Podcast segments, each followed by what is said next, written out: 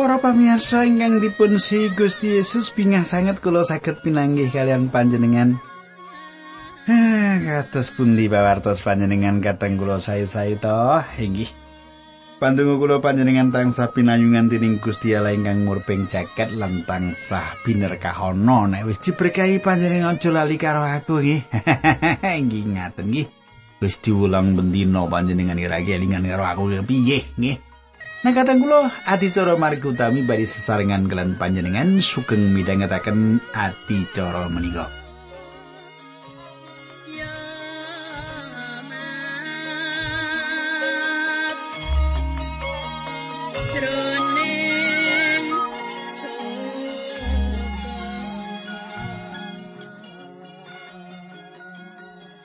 Para pamirsa menapa panjenengan tasih kemutan menapa ingkang kula aturaken duk nalika semanten nggih pepanggihan kepengker. Wonten ing pepanggihan kepengker kita sampun nyemak kados pundi pemberontakan ingkang ngitapi-tapi ingkang dipun tindakaken dening Absalom dumateng Daud bapakipun. Lah wong anak pemulang sarak bali karo wong tuwa. Nundung bapake dadi ratu inggih menika sing dipun tindakaken Absalom wani-wanine apa ora wedi kualat nggih inggih kados makaten menika Napa ing sakiwa tengen panjenengan wonten lare ingkang wantun kali tiyang sepuhipun kados makaten nundung wong tuane saka mai dhewe. gitu. Nah, mugi-mugi ing dusun panjenengan, ing kampung panjenengan, ing gereja panjenengan ora ana wong sing wateke kaya Absalom iki. Kadang kula kita badhe lajengaken nanging saderengipun menika kula badhe ngaturaken salam rumiyin. Dumateng Ibu Samiati. Ibu Samiati menika Wonorejo. Terus pundi Ibu? Saya-saya to? Nggih. Mugi-mugi panjenengan sesarengan kalian kula. Nggih, makaten. Nek kateng kula monggo kita tumungkul kita nyuwun tuntunanipun Gusti. Duh Kanjeng Rama ingkang adhedhampar wonten kraton ing kasuwargan ingkang kawula sambat sebuti wonten ing asmanipun Gusti kawula Yesus Kristus. Kawula ngaturaken kuing panuwun menawi wekdal menika kawula saged tetunggilan kalian sedherek kawula lan badhe sinau babagan kayektosan kayektosan pangandikanipun Gusti Allah. Kawula nyuwun tuntunanipun Gusti linambaran asmanipun Gusti kawula Yesus Kristus kawula ndedonga haleluya amin.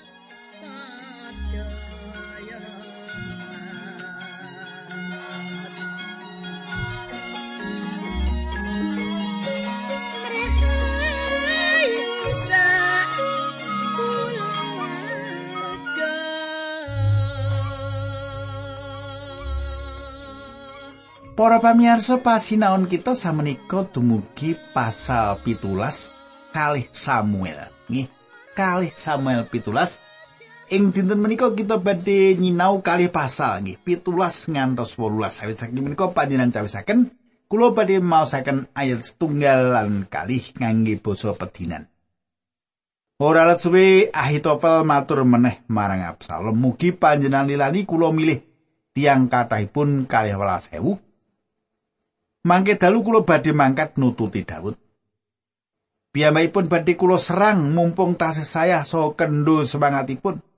Kula badhe damel kaget piyambakipun ngantos prajuritipun sedaya keplajeng. Namung Raja Daud kemawon ingkang badhe kula pejahi. Para pamirsa, menawi Daud saged dipun sirnakaken, pemberontakan saged dipun gagalaken lan Absalom dados raja. Ayat 3 lan sekawan. Makatan surasipun. Dene perjuritipun sedaya badhe kula wangsulaken dhateng panjenengan kados dene pengantin putri wangsul dhateng semahipun. Panjenengan tak namung ngersakaken nyawa setunggal kemawon, sanesipun boten perlu dipun menapak-menapakaken. Pitutur mau dianggep becik dening Absalom lan dening para pemimpin Israel kabeh. Malah Absalom nyarujuki rancanganipun ingkang kejem menika. Ayat kang salah enam. Senajan mengkono Absalom kondo, saiki Husai undangan. Ayo padha ngrungokake rembuki. Nalika Husai sowan Absalom ngandhakake rancangane Ahitofel banjur kondo, pitutur iki bakal kita anut yen ora usul liyani.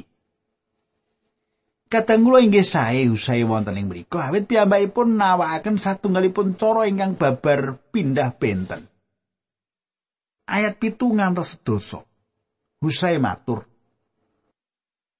Pitedahipun Ahitopel menika mboten sae.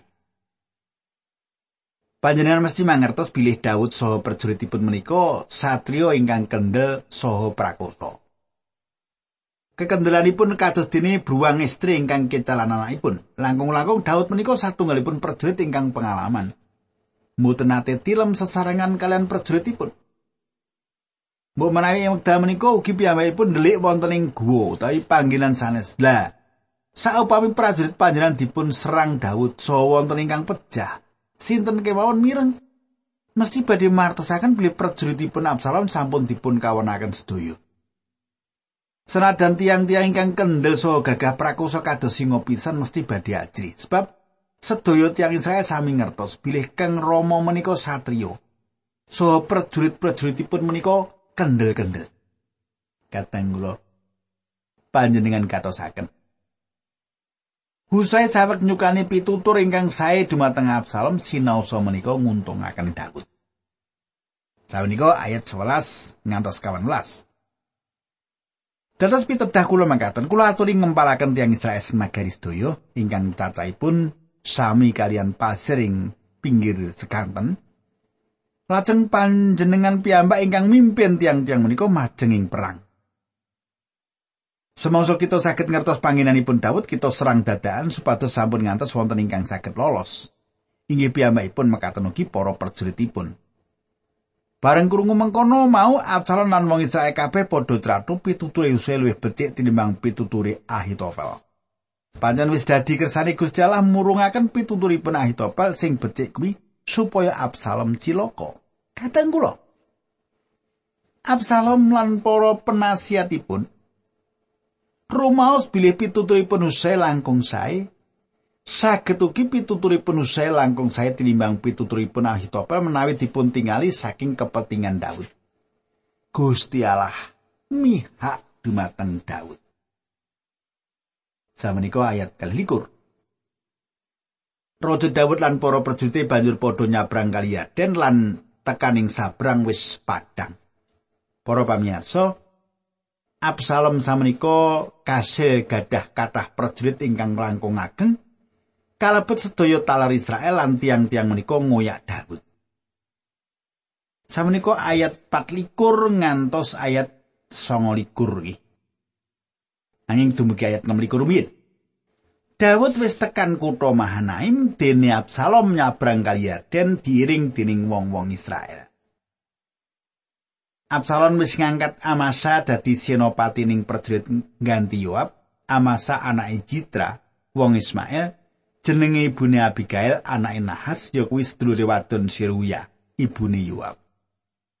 Absalom lan para prajurite padha masang kemah ing tanah Gilead Para pamirsa sayektosipun Daud wonten ing kahanan ingkang angel Piyambakipun sampun mlajeng saking Yerusalem tanpa wonten persiapan menapa-menapa ugi tiang-tiang ingkang tetep setya piyambakipun. Ayat pitulikur ngantos sangalikur nalika Daud tekan Mahananim ditampa dening Sobi anake Nahas saka ing kutha ing Amon uga dening Makir anake Amia saka Ludebar lan dening Barsilai saka Roglim ing Gilead. Wong-wong mau padha nggawa mangkok, kuali lan kasur kanggo Daud lan para prajuriti. Mengkono gandum demawut glepung, gandum goreng, kacang abang, kacang kedele, madu, keju, kaliling powan sarta wedhus gembel sawetara wong-wong mau padha weruh yen Daud lan para prajurit luwe ngelak sarta sayah merga saka nggone mlaku ing ora samun Para pamirsa Daud manggihaken bilih piyambakipun gadah kathah ingkang nyengkuyung saking rakyat. Rakyat menika tepang Daud lan Daud menika satunggalipun prajurit ingkang ngidapi-dapi rakyat langkung pitados dumateng Daud. Samenika lumebet kali Samuel 18. Ayat tunggalan kali. Raja Daud nglumpukake prajurit kabeh banjur diperang dadi sawetara golongan. Saben golongan nyewu utawa nyatus. Banjur ngangkat para penggedeni golongan-golongan mau. Sawise mengkono banjur dilurukake perang kang sak pertelon dipimpin dening Yoab, sak pertelon dipimpin dening Abisai adine Yoab, lan sak pertelon maneh dipimpin dening Itai saka Gad, dawe raja marang para prajurit, aku yo arep barengi kowe kabeh. Kadang kula Daud kepingin derek perang kalian prajuritipun. Ayat 3. Nanging wong-wong mau padha matur sampun Sang Prabu. Mergi menawi kula sedaya kepeksa mlajeng utawi kula sepale sami tewas mengsah mboten badhe merduli. sebab ingkang dipun padosi menika panjenengan. Panjenengan menika aosipun sami kalian kula sedaya ingkang sedasa ewu cacahipun menika. Kalian malih langkung prayogi menawi panjenengan utusan bolo bantuan saking salebetipun kita. Kadang kula panjenengan katosaken prajurit menika mboten ngidinaken Daud nderek perang kalian para prajurit. Ayat sekawan lan gangsa, Dawi Raja, yo becik aku nurut karepmu. Raja banjur jumeneng ing sanding gapuraning kutha dene prajurite padha baris metu sak golongan sak golongan nyewu utawa nyatus. Raja banjur perintah marang Yoab Abisai lan Itai penjalukku. Absalom bocah nom kuwi aja dipateni. Para prajurit padha krungu perintah Daud mau. Panjenengan katasaken kadang kula, Daud ngentosi ing pinggir gapura sawetawis para prajuritipun baris medal.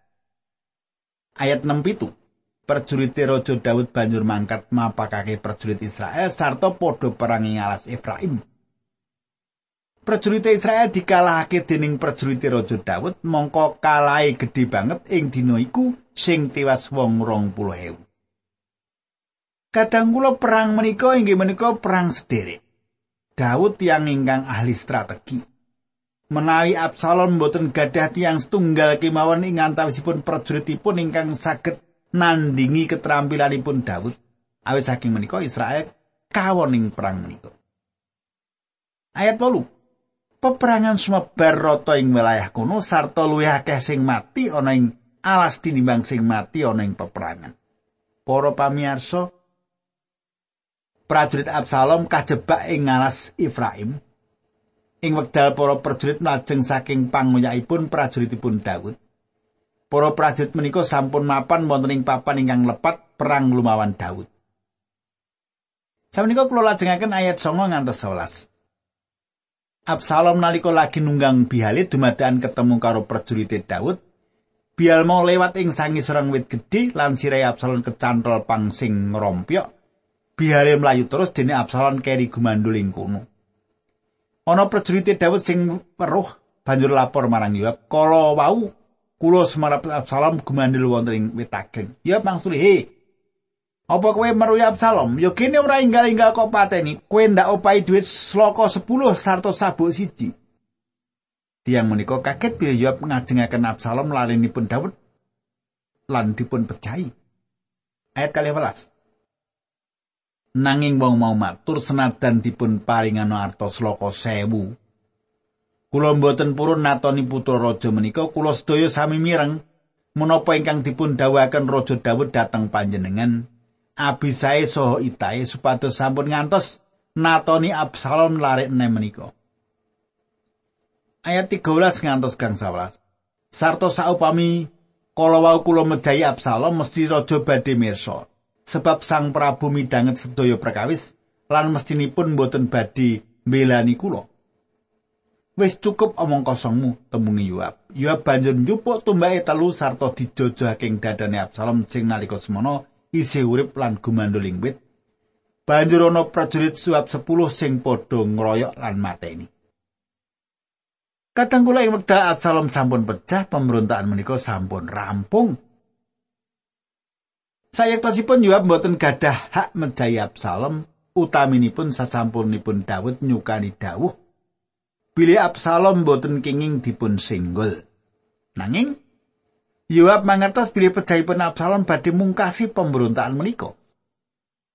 Ayat 19 ngantos 21. Ahimas anak Imam Sadok banjur matur marang Yoab. Sampeyan lilani kula mlajeng beto kabar menika dhateng Sang Raja bilih Gusti Allah sampun ngwalaken Sang Prabu saking mensahipun aja temunge Yoab. Liya dina wae, ing dina iki kowe ora kena nggawa kabar kuwi sebab putrane Sang Raja tewas. Yoab banjur kondo karo prajurit wong Sudan lunga aturna marang raja apa sing kok weruhi. Prajurit mau sujud banjur lunga karo mlayu. Nanging Ahimas adreng nggone matur marang Yoab senadyan makaten kula mugi kaliranan beto kabar menika. Yo kene kowe adreng arep lunga anakku pitaken Yoab tumrap perkara iki kowe ora bakal nampa upah. Kadang kula Yoab mboten ngidinaken Ahimas nglantaraken pawartos bab pejahipun Absalom dumateng Daud awit piyambakipun mboten gadah keterangan ingkang dipun betahaken kangge dipun lantaraken dumateng raja. Ayat 13 ngantos 24. Aturi Ahimas maneh, senajan mekaten kula badhe kisah yen mengkono lunga. Tembunge Yoab, Ahimas banjur mlayu urut dalan sing liwati tanah Ngariaden lan ora terus bisa ndisi prajurit Sudan mau. Daud lagi lenggah ana ing antaraning gapura jero lan gapura njaba sing Joko munggah ing sadhuring tembok lan ngadeg ana ing payoning gapura mau nalika ngawasake katon wong teka karo mlayu.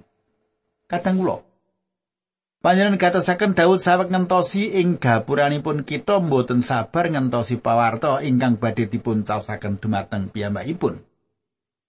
Ayat selangkung ngantos telung puluh siji.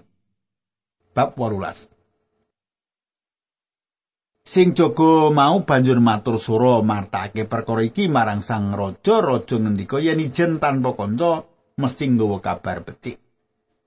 Nalika wong mau wis meh tekan, sing jaga weruh ana wong liya teka karo mlayu banjur matur, "Panjenengan persani wonten tiyang sanes malih mlajeng mriki piyambakan?" Raja ngendika mesti yo nggawa kabar sing becik. Sing jaga mau matur, "Tiyang ingkang rumiyin menika Ahimaas, kula saged ngertos saking caranipun mlajeng." Kuwi wong becik ngendikani raja, mesti nggawa kabar sing becik. Aimas ngaturi salam marang sang raja banjur sujud lan matur pinuji Allah panjenengan ingkang sampun masrahaken tiang-tiang kang berontak menika dateng panjenengan. Raja ndangu Absalom nonoman anakku apa slamet? Ahimas matur, Sang Prabu kala wau nalika kula dipun utus dening Yoab kula mireng tiang sami rame nanging kula mboten ngertos menapa ingkang kelampahan. Kadang kula Ahimas mboten mangertos bilih Absalom sampun pecah. Ahimas mboten gadah pawartos ingkang kedah dipun tampi Daud. Ayat 3 setunggal. Prajurit Yoab wong Sudan banjur teka lan matur marang sang raja, kula beto kabar sae kagem sang Prabu. Ing dinten menika Gusti Allah sampun maringaken kaunggulan dhateng panjenengan tumrap sedaya tiyang ingkang berontak. Kadang kula Panjenengan katasaken pilih pitakenan kawitan Daud inggih menika Absalom ingkang dados keprihatinan utaminipun inggih menika kawilujengan Absalom. Ayat 3 dosa kali. Raja ndangu meneh Absalom nonoman anakku apa slamet. Perjuit mau matur kinten kula sedaya mengsah panjenengan sedaya tiyang ingkang berontak dhateng panjenengan nasibipun sami kaliyan neman menika. Panjenengan tingali Tiang Ethiopia menika kanthi lembah sanjang dumateng Daud bilih Absalom sampun pecah. Salajengipun Daud sungkawa atas pejahipun larinipun menika. Bareng midanget mengkono Raja Daud susah banget banjur minggah ing lotenge gapura karo muwun lan sesabat. Oh anakku, anakku Absalom, Absalom anakku. Luwe becik aku wae sing mati ngenteni kowe anakku Absalom, anakku Kateng kula ingkang kula tresnani inggih menika tiang sepuh ingkang kelangan anak sing ditresnani. Kaya ngopo anak trekai kateng kula ora tega larani ora tega patine wong jenenge anak. Nek wong Jawa tega larani ora tega patine. Nah kula mboten mangertos sesambetan panjenengan kalian lari-lari panjenengan kateng kula Menika satu galipun wucaran ingkang sae bilih kita minangka jejere wong tuwa menika kudu nggatekake anak-anak kita. Lho anak-anak kita menika lho ora nyuwun dilairake. Gitu. Anak-anak kita menika ora nyuwun dipun lairake. Kita sing dados jalaran anak-anak kita lahir. Awit saking menika betahaken tanggal jawab kita menika dipun tuntut tanggal jawab. Menawi kita nyemak Daud katang kula ngumbar hawa nepsu rabi kono rabi kene rabi putri monco. Kamangka Gusti Allah sampun ngarisaken ora kena. Ora kena ngepek bojo wong wadon saka monco. Ning Daud menika pancen rada bergudul ngaten nggih. Bojone ora mung siji, kamangka wonten kitab pangandaring Torat wis dikandhake aja nambahi jaran, aja nambahi bojo. Nanging Daud bojone malah sak pirang-pirang orang genah. Nah, menika ngunduh woing pakarti kateng kula. Ngunduh woing pakarti. Lajeng wis di anak akeh ora duwe kawigaten karo anak, murane anake ngonjo-onjo. Tetes panjenengan lan kula menawi kita terapaken wonten ing gesang kita kadang kula nggih. Nyambut gawe nyambut gawe ning aja ngantek lali karo anak-anak. Anak-anak butuh wektu kita sayang, kita arasi, kita lem nek tasih alit nggih. Aja ngantek ora duwe wektu kanggo anak, kanggo keluarga nyambut gawe terus ngantek entek. Kulo gadah rencang majelis minggu Wah, nek nyambut gawe. Pengirae tau iso turu sing dipikir mung nyambut gawe kamangka anak ra duwe. Nggih, wis sing setri umur 36, sing kakung umur 47, urung duwe turunan, nyambut gawe ora itung wektu awan bengi. Wis wis griyanipun menika gedhe nung kebak usaha kebak tangan kanggo apa kanggo sapa. Niki penting kangge kita katang kula. Nggih. Nyambut gawe nyambut gawe nggih nanging kudu iso dipilah-pilah iki wektu kanggo keluarga, wektu kanggo anak, wektu kanggo gereja, wektu kanggo wong tuwa gitu. Perlu aja nganten namung nyambut gawe tok gitu. Dipangan sepiro nggih. Katresnan niku kudu diketoke ing kawigaten kita. Kula mboten mangertos rumah tangga panjenengan kados napa nanging wucalan saking Daud menika saya sanget kangge kita. Nek ngantek anak kurang digatekke akhire wani karo wong tuwa. Iku sing susah niku. Nek diwaneni anak keloro-loro nggih, loro jantunge kambuh nggih, mati dadakan nggih. Nah kata kula kula badhe lajengaken ning panggen ingkang badhe tumugi samenika monggo kita tumungkul kita ndedonga Duh Kanjeng Rama ingkang ada dampar wonten kraton ing kasuwargan kawula ngaturaken gunging panuwun. Menawi dal menika kawula saged sinau satunggalipun lelampahan. Supados mboten kawula teladani Dinambaran asmanipun Gusti Yesus Kristus kawula ndedonga haleluya. Amin